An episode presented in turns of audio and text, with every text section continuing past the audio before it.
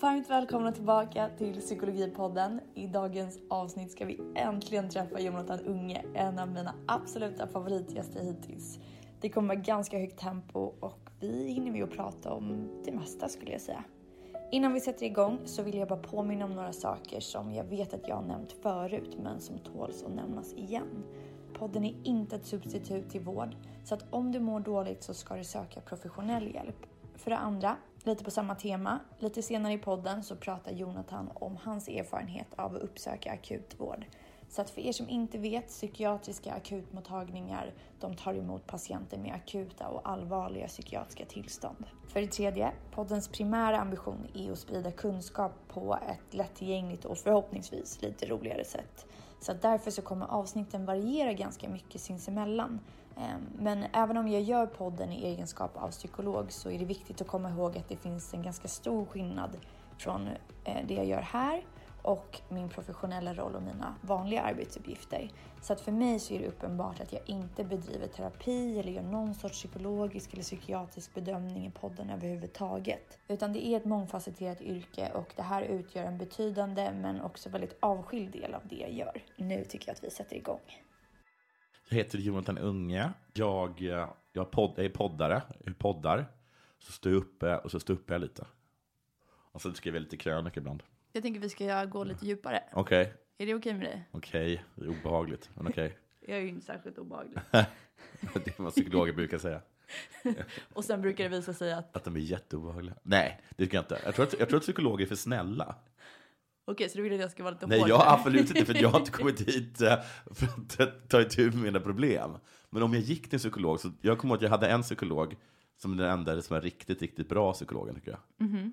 Och han var jättehård, liksom. Ja, mm. precis. Har du gått hos många psykologer? Ja, det har jag gjort. Alltså jag har gått, jag kanske gått till KBT några svängar, några gånger. Så tre. Och så har, hoppade jag runt lite psykologer. För att det, man måste verkligen hitta rätt, mm. tror jag. Jag var liksom jag var ganska ångestladdad och, och ingen glad.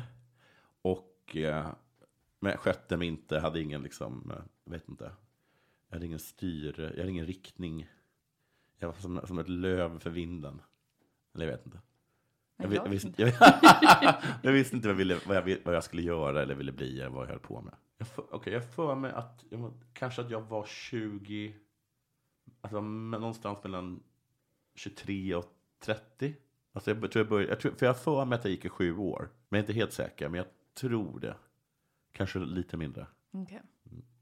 Men om vi börjar från början då. Mm. Ehm, psykisk ohälsa generellt. Ja. Vad har du för relation till det begreppet? Mm. Då tror jag mest att det har varit eh, alltså nedstämdhet. Ah, jag vet inte. Inte speciellt, inte speciellt allvarlig nivå skulle jag säga. Ja, men jag, men jag, har varit, jag har inte, jag har inte varit så deppig liksom, så jag inte kunnat ta mig i sängen riktigt. Men jag har varit så pass deppig liksom, så jag inte kunnat sköta mig och inte kunnat liksom, sköta mina, mina, mina åtaganden.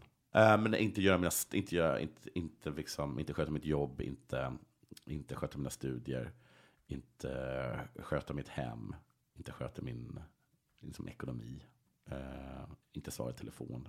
Isolera sig. Ja, precis. För jag tänker så att du skämtar ju mycket om hur du mår och saker som kanske inte funkar eller går ihop i din vardag. Ja. Och det är ju väldigt lätt att skratta åt det. Ja. Men samtidigt så är det ju din vardag. Ja, precis. Så hur kul är det i verkligheten?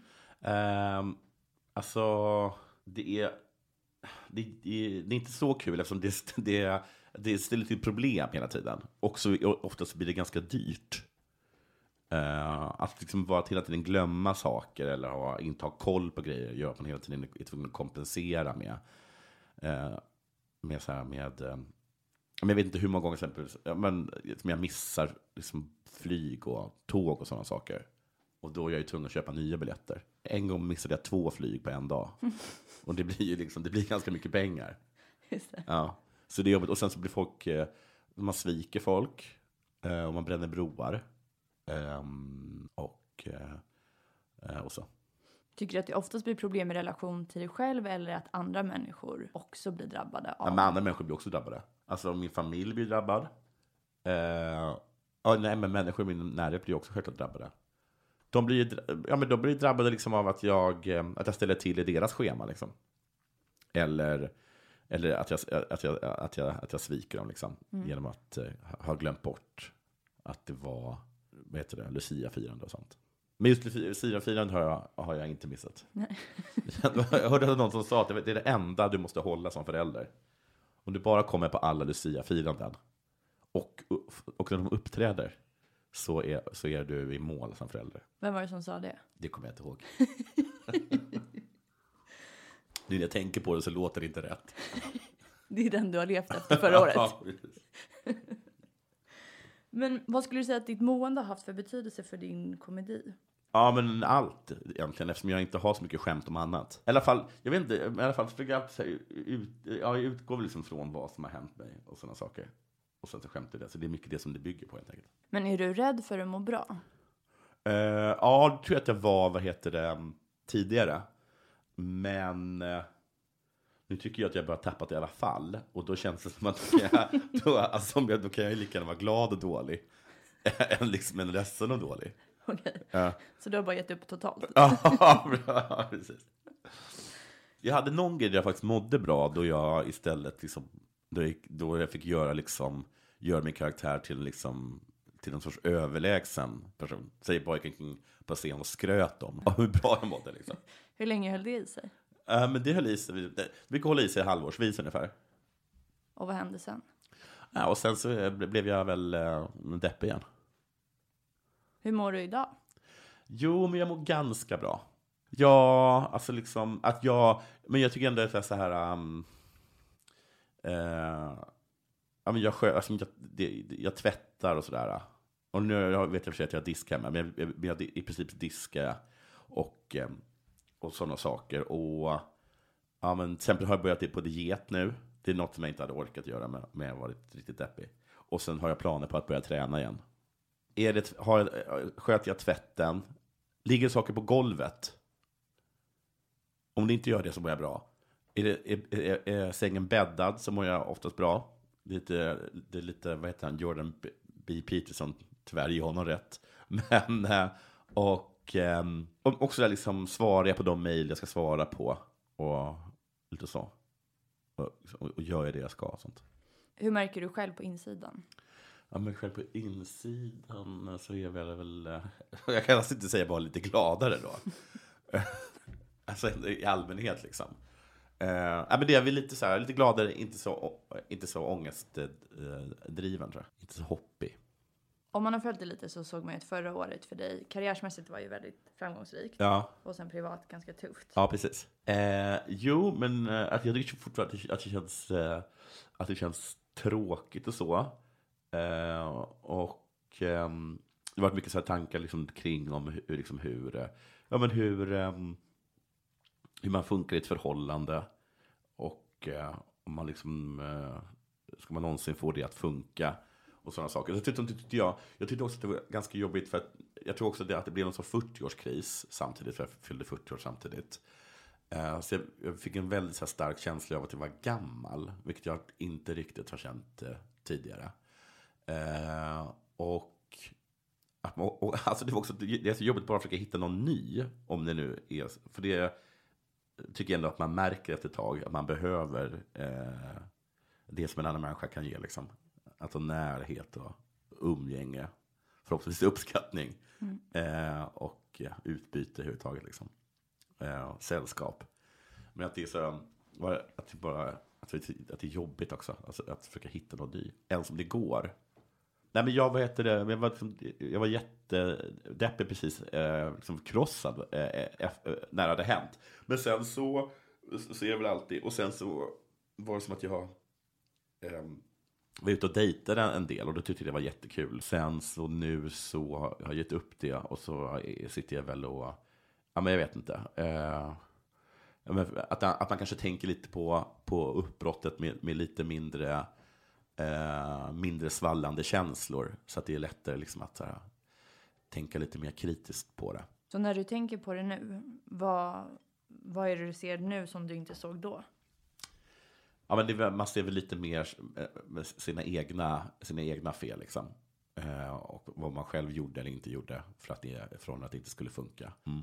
Hur tänkte du precis efter det hade hänt? Men då blev jag lämnad för en annan, för då var liksom, jag var bara kränkt. Liksom. Eller kränkt, jag var bara liksom så jävla sviken och kände mig förödmjukad. Um, ja, det tog slut. Um, uh, genom uh, att hon sa att uh, det var slut. Och just då så tror jag bara att jag la på luren och... Uh, det var över telefon? Ja, fast det är inte, det var inte, det är inte helt rättvist för henne, och hennes sida. För att jag hörde på rösten att det, var att, att det här hon ville tala om inte var någonting trevligt. Och då står inte jag ut med att vänta. Så då pressade jag henne att säga det på telefon. Så att det, det, här, det var faktiskt inte hennes, mm. det var inget nedrigt egentligen gjort. Eh, och, eh, och då, och då tror jag bara att jag så här sa, vi ska aldrig mer någonsin träffas, hör aldrig av det eller något sånt där. Mm. Och sen så lade jag på. För jag läste en eh, intervju med dig i Café, tror jag att det var. Ja. Och då reagerade jag i och för sig på en, jag vet inte om det var en rubrik, men det handlade om att du hade åkt, jag vet, skytteltrafik till eh, psyket, stod det någonting om. Ja, skytteltrafik var verkligen överdrivet. Vi åkte dit en gång. Ja, och jag tyckte själva formuleringen var lite ja. Ja, opassande. Ja. Um, men, men du mådde ändå så pass dåligt att du åkte in till psykiatriakuten. Ja, det var så här sent en natt. Jag var, jag, hade, jag var ganska full. Och sen så men så jag bara, visste bara inte vad jag skulle ta vägen. Och eh, då har jag, då har jag och, och jag gjorde exakt samma sak efter ett, eh, ett tidigare förhållande tog slut. Eh, och jag, jag är inte så bra på att hantera eh, tydligen då att, att det tar slut. Eh, alltså jag tror jag, liksom, jag var där i en timme högst. Liksom. Och hur kommer det sig att du åkte dit? Eh, men jag vet inte, jag, jag, jag försöker tänka efter lite, men jag tror att det, att det, har varit, att det var så liksom att jag första gången, det, eller liksom förra gången det hände, så undrar om jag satt i telefon med min bror då. Och som sa liksom att du kanske behöver, alltså det verkar, du är så upp i varv så det känns som att du bara kanske borde gå och få någon medel. Så vad ska man göra det någonstans? Och då sa han, men du åker till rätts, det är inte rättspsyk, förlåt. Du, du åker, jag blandar alltid ihop dem. Dit kan man inte, det finns ingen rättspsykakut, eller hur? om du har mördat någon på ett bestialiskt sätt så kan man åka dit och få atarax. Eh, och en, en fängelsedom förhoppningsvis. Eh, men då, så, så då kom jag väl att tänka på att jag gjorde så förra gången och då kändes det liksom lite bättre. Man åker dit, du får andas i en kvadrat och eh, så får man atarax och sen så är det någon som är lite snäll och klappar en på huvudet och sen så åker man hem. Ja, det är det som händer för dig. Ja, men det är inte för andra eller? Alltså psykiatriakuten ska man ju söka om man mår ja, extremt dåligt. Ja, och så ska avgöra om man är självmordsbenägen. Ja, om det är så att man är rädd för att man ska skada sig själv eller skada ja. någon annan. Ja, men det så tror inte jag att jag var. Eller liksom en... Var du rädd för att du skulle göra någonting? Um, ja, jag tror kanske att jag var rädd att jag skulle, typ så här, inte att jag skulle ta livet av mig, men kanske att jag skulle dunka i huvudet i något. Alltså så här, lite klassiskt eh, skära sig-grej. Att man liksom, eh, att man tar det, liksom, det psykiska och gör det fysiskt istället. Så blir det lite lättare att hantera. Så någon typ av självskada? Ja, precis. Lite det var jag lite orolig för. Har du gjort det någon gång förut? Ja, jag har gjort det en gång. Jag dunkade i huvudet i en telefonstolpe. Det var också... Eh, jag blev dumpad. Men, men det, var, det var gymnasiet. Ja, men det var som att jag blev så jävla... Bara liksom förtvivlad. Men du har inget annat... Eller du har inte haft något annat typ av självskadebeteende? Nej. Alltså vad skulle det vara? Alltså jag har inte skurit mig eller någonting. Nej, det finns ju olika typer. Antingen fysiskt, sen så kan det ju vara vissa typer av sexuellt beteende eller ja. alkohol, droger. Ja, men okej, men alkohol och droger har jag väl också haft i så fall. Och hur har du använt det? Uh, ja, men till exempel precis efter, precis efter jag blev dumpad så söp jag jättemycket. Och, eh, och sådana saker. Men sen så märkte jag liksom att jag blev inte gladare av det. Uh, alltså, det, det, det, alltså det dövade inte ens smärtan liksom. Var det det som var målet? Ja, det var absolut målet. Jag, med tidigare, alltså så här, alltså, jag tyckte i alla fall att det förr kunde hjälpa lite som så här eskarpism på något sätt. Om det, jag vet inte om, det, om jag använder ordet rätt, men liksom att, man, att det hjälpte att man kunde så fly från, från om man kunde, kunde liksom dricka och spela spel eller någonting, så kunde liksom så här fly bort från, från världen i alla fall. Men det var som att, det, liksom att det, det, det, de där känslorna trängde bara igenom, även alkoholen. Liksom. Så det funkade inte. Hur har du hanterat känslor på mer funktionella sätt sen dess då? Uh, Eller har du gjort det? Nej, alltså ett så tror jag liksom att känslorna i sig har, har lagt sig. Eh, och så. Och sen så, alltså, jag hoppade verkligen på det där liksom, tränings, tränarspåret. Och det hjälpte väl till en viss gräns, skulle jag säga. Att man, man mår, mår väl lite, det blir en lite, man, de brukar säga till att man ska, det är väl det enda råd som läkare ger en någonsin, att man, ska, att man ska, inte ska röka. Och så ska man träna. Och eh, så att träningen funkade till, till, en, till en viss del. Man, um, ehm, man blev trött och så. Men jag tycker inte det funkade så jättemycket. Däremot så tyckte jag liksom att jag har aldrig, förr så var det som att jag har, ähm, folk eh, brukar säga liksom att efter ett, efter ett uppbrott ska man liksom hitta någon ny, en, någon att rebounda med. Och jag har aldrig, aldrig liksom lyckats med det, utan oftast har det gått liksom, ja, liksom ett, två år liksom, innan jag träffat någon igen. Äh, men nu var det så som att äh, det där Tinder fanns. Jag har hört att de snyggaste människorna i hela världen är folket på Grindr i Köpenhamn. Laddade du ner den också? Nej, det är bara ett rykte jag hört. Okej. Ja.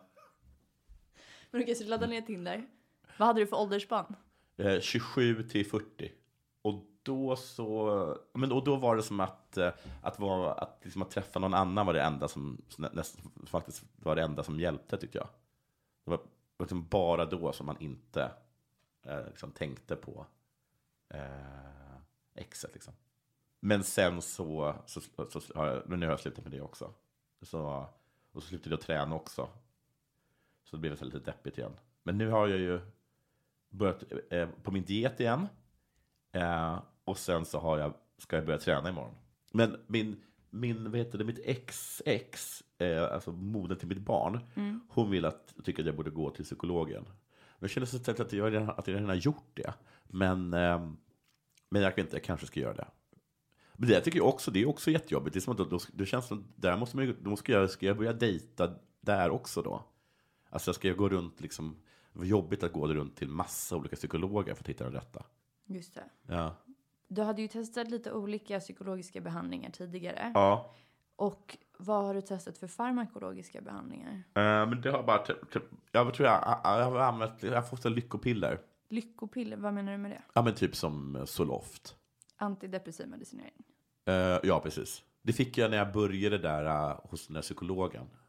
Så sa att jag liksom var, att var, jag var för deppig för att kunna ha, för att få ha någon sorts vettig terapi med. Så då, då skickar han mig till en annan, han är sig också psykiatriker, men, men han skickade mig till en psykiatriker som, som då efter ett samtal skrev ut eh, Cipramil eller Cipralex eller vad det heter. Jag vet inte hur länge jag gick på det. Jag har alltså, himla dåligt minne med sånt, men jag måste ju ändå varit några år tror jag. Tror jag. Jag, jag kommer inte ihåg. Minns du när du slutade? Nej, jag tror också att jag bara slutade rakt av. Jag slutade bara ta den. Jag tror inte att jag trappade ner. Okej. För våra lyssnare då så Ja. kan jag ju bara lägga in att så ska man ju inte. Nej, så ska man inte göra. Det måste man ju trappa ut ja, långsamt. precis. Men var någonstans gjorde du din ADHD-utredning? För det måste ju ha varit inom psykiatrin. Ja, det var det. Det var, det var, det var i Gö- Göteborg. Min syster gjorde en, sin typ sådär um, eh, Asperger-utredning. Som nu heter någonting annat gissar jag. Autismspektrumtillstånd. Just det. Och då talade jag med hennes läkare, för jag var där på någon sån här äh, familjeintervju. Liksom. Ehm, om att att jag trodde att jag kanske hade ADHD. och, då var, och då fick jag liksom göra den utredningen under honom. Och, och då utmynnade det i diagnos. Ja. Vad var det för problem som du hade då? Uh, ja, men det var väl, alltså, det, det var väl det, här, det var väl det här som är som vanliga, liksom, att det är liksom, eh, perioder av, av nedstämdhet, eh, att liksom, att alltid vara ganska, att man är helt enkelt är hoppig, alltså, man vet svårt att koncentrera sig, inte kan liksom, eh, vet inte, men analysera, en sorts brist på analys och stora massa information och sådana saker. Ehm, eh, att man, liksom, att man helt enkelt hela tiden liksom byter spår i huvudet. Och liksom jättesvårt med det här med, liksom med att eh, sköta sådana saker som sitt personliga liksom, schema och ehm, eh, vardag, vardagsgrejer. Liksom. Mm. Betala räkningar, tvätta och sådana, sådana saker. Så är det samma typ av svårigheter som du upplever att du har idag? Ja, men jag tycker jag har mycket, mycket mindre idag. Och ehm, det är kortare perioder. Liksom. Men jag, jag, jag brukar känna att jag brukar uppleva det lite som att jag går, och jag ber verkligen om ursäkt till alla som gått, gått in i väggen, men som att jag går in i väggen två gånger om året. Ja, men då blir det liksom att jag bara, jag bara ger upp. Som slutar helt att höra av mig. Eh, sluta betala räkningar, sluta tvätta och sådana saker. Och hur länge befinner du dig i det tillståndet? Ja, det, det, jag brukar tycka att det är kortare, att har blivit lite, det blivit lite kortare ändå tror jag. jag tror, men i, i några månader kanske. Och sen bara vänder det plötsligt. Är det där du är nu? Uh, ja, på något sätt är det. Oftast brukar jag liksom vara lite gladare. Alltså, det brukar oftast vända och bli någon sorts... Alltså en maniskhet är verkligen att överdriva. Men jag brukar, jag brukar få någon sorts jävla liksom, energiboost. Eh, liksom. Och nu är det som att um, jag har inte riktigt den energiboosten längre. Det är, något som, det är något som har hänt, och jag tror att det har med min ålder att göra. Att eh, förr till exempel så kunde jag liksom ha såna här, eh, också, jag skulle inte kalla det maniska, men att jag kan liksom inte, jag kan inte somna. Men det är inget jobbigt, utan det är nästan, det är nästan härligt liksom. Och jag kunde liksom, då kunde jag så komma på, jag kunde liksom bara gå omkring och, och, och vara i mitt eget huvud i liksom flera dagar liksom. Och bara, bara skitkul för mig själv i huvudet. Och komma på jätte, jättemycket idéer liksom. Och, och de perioderna, de finns inte längre. Vad finns istället? Ja, jag vet inte. Istället är jag sorts konstant ganska trött. Men jag kunde ha ofta så här, liksom, ändå för, typ bara för något år sedan så kunde jag ändå ha liksom perioder av, det var inte det var så direkt manisk, men att jag hade liksom mycket, mycket, mycket mer energi. Liksom. Eh, och, och så. Men nu känns det på något sätt liksom som att jag har inte den energin, men eh, jag har, och jag har samtidigt inte, någon, jag har samtidigt ingen, inte så mycket ångest. Liksom. Så att det är som att eh, det är som att det är en mycket, mycket säm, som en jättebeige manisk period. Alltså som andra människor skulle säga, är bara ett normal, normalläge. Alltså bara, det är som att man kanske inte är så glad, men man gör ändå det man ska göra. Liksom. Ja, livet funkar, men det är inte så kul. Liksom. Och, och det, är inte, det, är inte, det är inte så att du, liksom, att du skuttar fram. Nu är antingen ligger jag ner, eller så liksom knallar och går det. Och gissar, jag bara känner, gissar att det har något med åldern att göra. Eller så har liksom bara mitt liv överhuvudtaget, alltså, så har livet förändrats. Alltså till exempel så, så jag har ju en dotter, så jag kan, jag kan att jag varannan vecka så så måste jag ju skärpa mig vare sig jag, vare sig jag vill eller orkar. För då är jag, hon ska hämtas och lämnas och läxor ska läsas. Och... Tycker du att det är hjälpsamt att ha henne? Ja, det tycker jag faktiskt. Alltså man brukar säga att det, att det, det är så himla viktigt med rutiner. Så hon, är, hon, är, hon har ju verkligen gett mitt liv i rutin. Och också, ska vi säga lite tragiskt, så är också hon ett sällskap. Eh. Alltså jag är mycket mindre jag är inte ensam eh, när jag har henne. Liksom. Och de veckorna som hon inte är där, ja. känner du dig ensam då? Ja, då känner jag mig ensam. Jag tycker inte att det är superjobbigt, men jag märker liksom att eh, det är inte bra i det långa loppet. Liksom. För att eh, man behöver liksom eh, umgänge och närhet. För att, för, att, för att må bra. Liksom. Jag kan verkligen vara ensam långa perioder utan att det liksom är utan att jag tycker att det är jobbigt. Och jag har inga problem liksom att sitta och käka själv på en restaurang eller gå ensam på bio eller någonting sånt. Absolut inte. Jag tycker det är ganska skönt. Eh, och jag kan verkligen uppskatta att vara ensam. Men efter ett tag så alltså, börjar man liksom känna liksom rent fysiskt att det här inte det här, det här kan inte vara bra. Liksom. Det, man måste ha någon som klappar den. Men också umgänge, men absolut fysisk närhet. Liksom. Mm. Är du en relationsperson tror du? Nej, jag skulle säga att jag inte är det. Jag tycker inte att eh, Ehm, jag tycker, för att jag, också för att jag tycker att jag behöver vara ensam ganska mycket. Så det blir, det blir också lite knäppt då. Att gå in, att vilja ha en relation för att man behöver det. Och sen också då kanske liksom eh, samtidigt få kräva i den relationen att man är väldigt mycket för sig själv. Jag tänker att det är helt normalt. Så länge man kan kommunicera det till ja, den andra parten. Ja, det här med att bo ihop, det tycker jag är supersvårt. Bodde du tillsammans med ditt ex? Ja, en, en period. Men det var ju katastrof. Um, men då var det, alltså, vet inte, det här var också i slutet av relationen, så det kanske, uh, det kanske inte var så bra då överhuvudtaget. Liksom. Men, um, nej, men jag tyckte bara att vi irriterade oss på varandra. Ja, men så här, vardagsgrejer som städa och sådana saker. Hon var väldigt mycket för att lägga saker på golvet till exempel. Och det för dig symboliserar att du mår dåligt? ja, ja precis.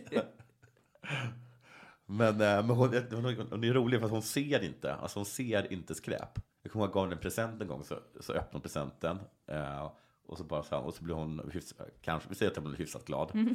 Och, eh, och, sen så, och sen bara la hon eh, omslagspappret på golvet. Och jag tycker bara, det tycker jag bara, bara det tycker jag är ganska konstigt. Att det är ens instinkt att bara liksom, bara lägga det på golvet. Och sen så jag så här, och sen så kunde jag inte ta upp det. Så sa hon så här, men vadå? Vad? Alltså det var som hon såg inte pappret. Hon måste ju höra det, tänker jag. Om hon, Pappret? Om, om, om, om hon går på det. Men då måste hon bara tänka att ja, så, där, så låter väl trä på det stället. Jag vet inte, det är konstigt. Någon gång också så, så här, kom, kom jag hem och så var det fullt med kakor på golvet. Och jag, så varför är det en massa kakor på Alltså golvet? placerade på golvet. Ja, och de sa, nej men jag har, har lagt, jag la, jag la pussel i morse. Och då åt jag lite kakor. Men det är ju svårt med förhållanden. Ja, Men trodde du att, att du skulle vara med henne för resten av livet? ja jag trodde nog det faktiskt. Skulle du vilja hitta någon att vara tillsammans med resten av livet? Ja, alltså förutom alla de, allt som var dåligt i vårt förhållande så saknar jag verkligen det som var bra. Och liksom jag saknar... ehm, eh, jag saknar... Förutom, liksom, förutom umgänget liksom, och det fysiska så saknar jag liksom... att Alltså hon, var, hon var så himla, himla rolig att hänga med. Liksom. Hon är en väldigt, väldigt rolig person. Så man hade ju liksom... Man hade oftast jävligt kul. Och det är ju, det är ju att föredra. För att inte ha jä- jävligt kul. Mm. Ehm, så det kan, jag, det kan jag absolut sakna. Vad, vad, vad, var det frågan? Nej, Nej. vad var frågan? jag kommer inte ihåg. Nej. Älskar du henne fortfarande? Eh, jag vet inte riktigt. Nej, jag vet inte. Kanske. Nej. Jag står lite så här att jag tänker liksom att eh, det vore så här eh, att för, först så var det bara liksom, eh, aldrig någonsin, för jag kände mig så jävla sviken. Eh, men att, att, det, borde- att jag tycker det är tråkigt. jag tycker det är tråkigt att, ett, eh, att det förhållandet eh, må- liksom är över. Jag, vet inte, jag, jag tycker det är så bottenlöst jobbigt, just hjärtesorg. Eh, Jag vet inte, att det här... Jag tyckte liksom att det var, att jag tyckte det var helt absurt. Eh, Jag tyckte det var så jävla, jävla konstigt. Jag, kan, jag liksom inte kunde fatta hur vi som, som hade varit så himla nära varandra eh, nu liksom inte, nu alltså över på en timme Ja. inte längre någonsin skulle ha något med varandra att göra. Så bisarrt. Eh, så det, jag, jag, jag, har, jag kan fortfarande ha väldigt, väldigt svårt för, för, den, för den, där, liksom, den där övergången blir så absurd i mitt huvud. Den blir ju väldigt abrupt. Ja, det är jätteabrupt. Och jag har aldrig varit så intim med någon annan människa tidigare. Eh, att liksom, och sen så ska vi inte ha något med varandra att göra. Jag reagerar inte lika uselt, eh, eller och vad heter det, blir liksom lika, jag blir inte lika överraskad på det sättet. Jag känner igen känslorna. Och jag vet att, eh, att även om det inte känns så, så vet jag ju att, det, att, eh, att, det, att, att, det, att de i princip tar slut. Och att det går att ska, ska hitta andra förhållanden. Liksom. I princip, det inte att det känns, känns så, men man vet ju att så, att så har det varit. Liksom. Så det tror jag förmildrar saken. Men jag tycker fortfarande att det är jätte, jättekonstigt. Och ofta så säger man ju att, att tiden är det enda som hjälper. Ja, Men det är det som är så sjukt frustrerande med tid, för tid är ju det enda du inte kan få Nej. gå snabbare. nej precis. Nej, nej men precis. Och jag var jätteorolig där att jag liksom, att, ehm, för att så här var det, när det, när det tog slut så tyckte jag att, att blev, jag eh, jag blev nästan överraskad hur, ehm, hur, hur, hur många bra vänner jag har ändå. Ja, det är det som är det enda fina Ja, ja precis. Men det var också så här, men jag oroade mig också så himla mycket för hur länge orkar de? Alltså hur länge kan jag vara kan jag vara så här som jag är nu liksom? Och att till slut så, så, så jag orkar man inte med mig längre. Men det blev inte så. Nej, det blev det faktiskt inte. Hur gjorde du för att det skulle vända? Nej, jag vet inte, men jag började, träna och, och äta rätt och de- dejta folk. Och, och sen så slutade jag upp med det också. Men, ehm, men då var det som att då, då är det värsta över och så kunde man liksom titta på ens förhållande med lite, lite mindre liksom rivande, mindre rivande känslor i bröstet. Liksom. Jag, jag, kanske, tack, jag kommer ihåg eh, när, när, jag- när, jag, när det tog slut mellan eh, moderns barn och mig, att jag satt och grät och så började jag, tycka, så började, jag- började jag skratta åt mig själv, för att jag såg mig själv utifrån och tyckte det såg lite löjligt ut. Jag, just för att jag typ misslyckades med att gråta eller någonting, så jag hulkade bara, så det lät så fånigt. Ehm, Eh, och så. Men den här, den här gången så, jag vet inte riktigt. Jag kan egentligen inte skratta åt mig själv. Jag är inte så bra på att skratta åt mig själv egentligen. Ja, men det var väl så här patetiskt i så fall. Alltså, kanske gå ut, att, så här, att vara 40 år och gå ut på en klubb. I så fall. Det kanske man kan skratta åt. Även om jag mest vill gråta. På klubben. Ja. Gråter du ofta? Nej, jag gråter jättesällan. Faktiskt. Jag var mycket, mycket, jag hade mycket lättare att, att gråta förut. Jag vet inte vad som hänt. Kanske också, kanske också ålder. Tycker att det är svårt att prata om känslor? Ehm, ja, ja, både ja och nej. Um, jo, men det tycker jag är lite obehagligt. Kan jag, det kan jag tycka. Jag vet inte att man ska vara fånig, tror jag. Eller liksom, ja. Hur då? Nej, jag vet inte om man ska visa någon patetisk sida av sig själv. Eh, nej, men det är inte, inte, det är inte patetiskt att visa känslor, men, men liksom med fula känslor, som svartsjuka eller avundsjuka. Eller liksom med att vara needy, till exempel. Alltså att visa sig sårbar. Ja, ja precis. Vad är du rädd för då? Jag vet inte riktigt. Alltså, jag vet inte om man, om man, om man är rädd att man ska anses liksom fånig eller hysterisk eller, eller så. Väljer du vilka delar du delar med dig av och vad du inte delar med dig av? Ja, det gör jag. Och, dess, eh, och dessutom så, jag menar, de, alltså, de, jag, skulle säga att liksom, väldigt många liksom, mindre smickrande sidor av mig tror jag kanske också att jag kanske inte är riktigt medveten om. Och därför har, kan jag inte skämta om dem. För jag ser dem inte. Jag är inte så analytisk egentligen. Så på så sätt så tycker jag egentligen inte att jag är speciellt utfläkande. Eftersom att det jag säger har jag liksom ändå ändå, ändå gått igenom huvudet om jag ska säga eller inte. Jag, jag är inte någon som blottar min själ liksom. Nej, för jag tänker att vid första anblick så tänker många nog att du är öppen. Ja, Men sen när man tittar igen så är det ju ganska generella saker, eller som du säger, alltså när du skämtar om att du tappar saker eller Ja. glömmer saker. ja, Det är ju sånt som alla kan relatera till utan att det verkligen är saker om dig som person. Ja. Alltså, förstår du skillnaden? jag förstår skillnaden. Jag, liksom att, eh, men mitt ex sa till exempel att eh, jag lyfter fram saker men aldrig någonting som verkligen, verkligen gör ont. Så på så sätt kan jag, jag är väl medveten om att jag inte är en konstnär på det sättet. Liksom. Eh, men det är också i så fall för att jag saknar konstnärens självinsikt i så fall. För då, då måste du liksom verkligen ha analyserat dig själv. Eh, och liksom verkligen ha koll på, på dig. Och det har, antingen så ett, har jag inte det. Eller så två, så är jag liksom för feg för att, för att eh, titta så djupt. Eller bara inte vill dela med mig av det. Men har du vissa saker som du har bestämt med dig själv att du inte kommer prata om eller vill dela med dig om eller känner dig mogen att prata om? Um... ja, men det tror jag nog att jag har. Uh, det tror jag. Och det kan också, det kan också, vara, det kan också vara så att vissa saker har, har för mig kanske varit, alltså som kanske på ytan kanske känns som, som lite, som, som, vad heter det, som, eh, som fjuttiga, men som för mig då har varit jättekänsliga. Och sen så med tiden har jag liksom eh, kommit över det. Och då har jag liksom eh, sagt åt dem.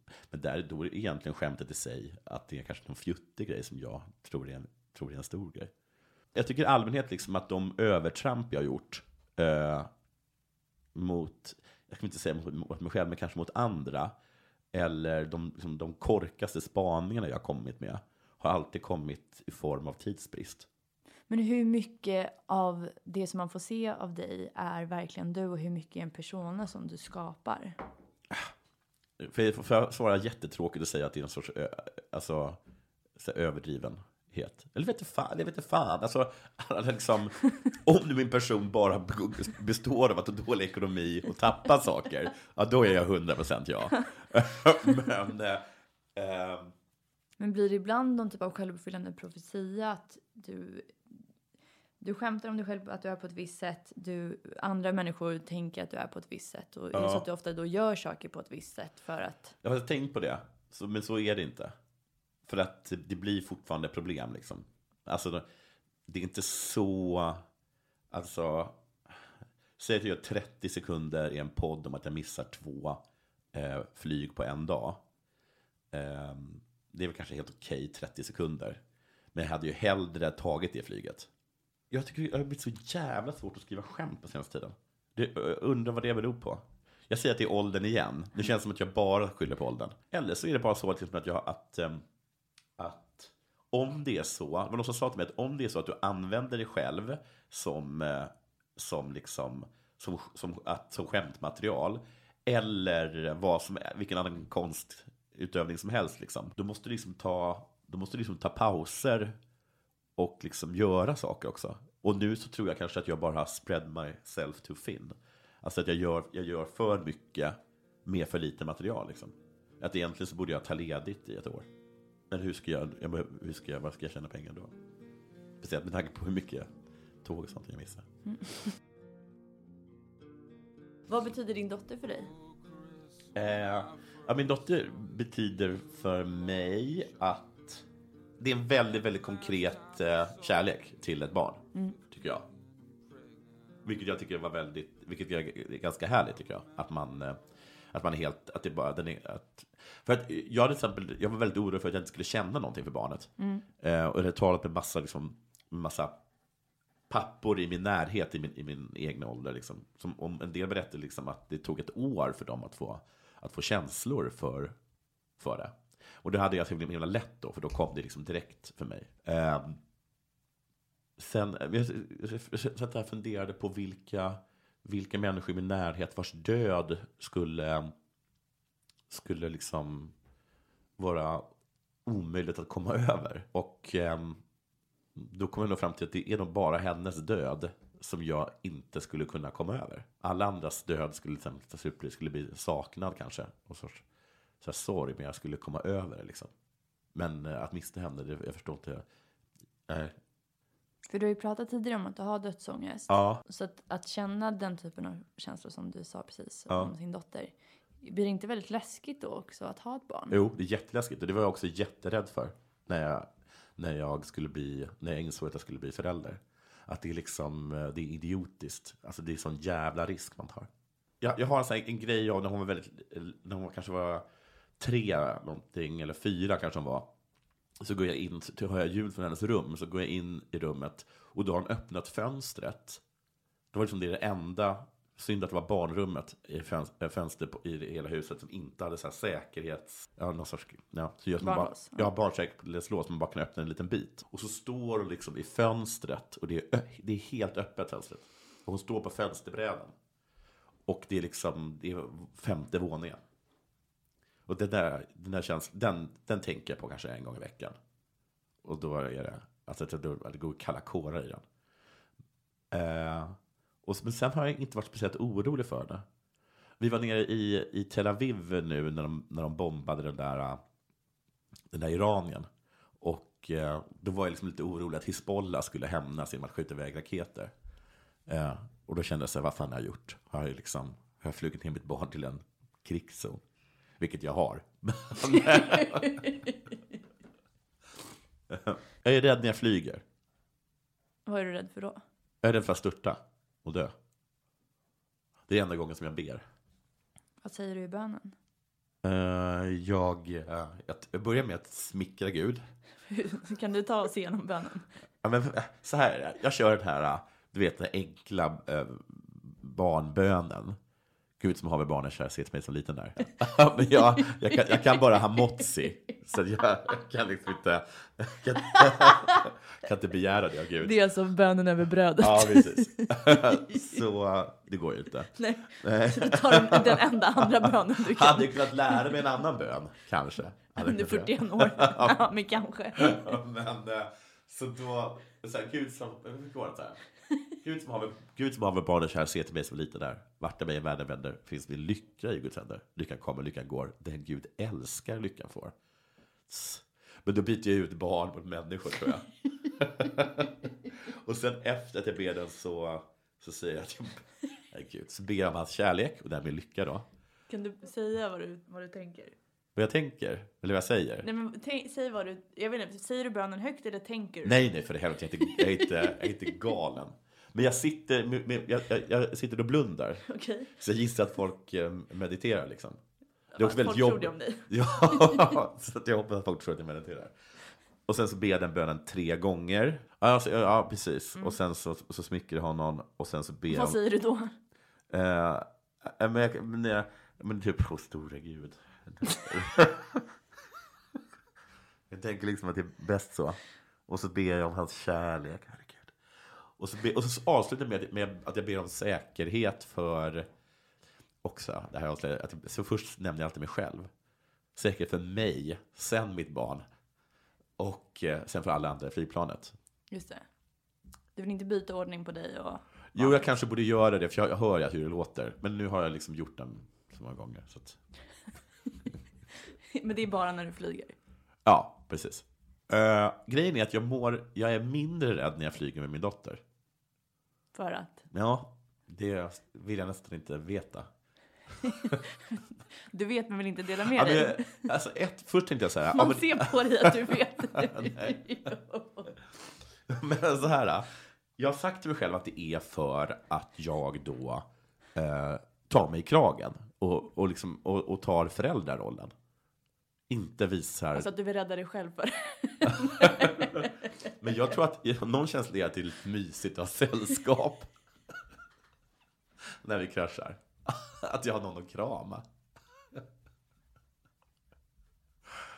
Eh, Det jobbiga är att, att när jag sitter och mediterar där så vill ha min uppmärksamhet. Så jag sitter liksom och ber till Gud och så samtidigt har jag liksom en åttaåring som står liksom och, och rycker i kragen på mig för att den vill berätta någonting om uh, LOL Surprise eller, eller liksom någon, jag vet inte.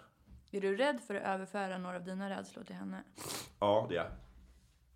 Och liksom det vore ju helt otroligt om hon... Alltså jag, först, jag, jag tror att jag... Jag tror jag, jag, jag, tror, jag, tror, jag, tror, jag tror jag har stressat sönder henne. Men, det, men jag tycker inte att det märks så mycket på henne. Men jag tror att, jag tror att det kommer märkas i framtiden.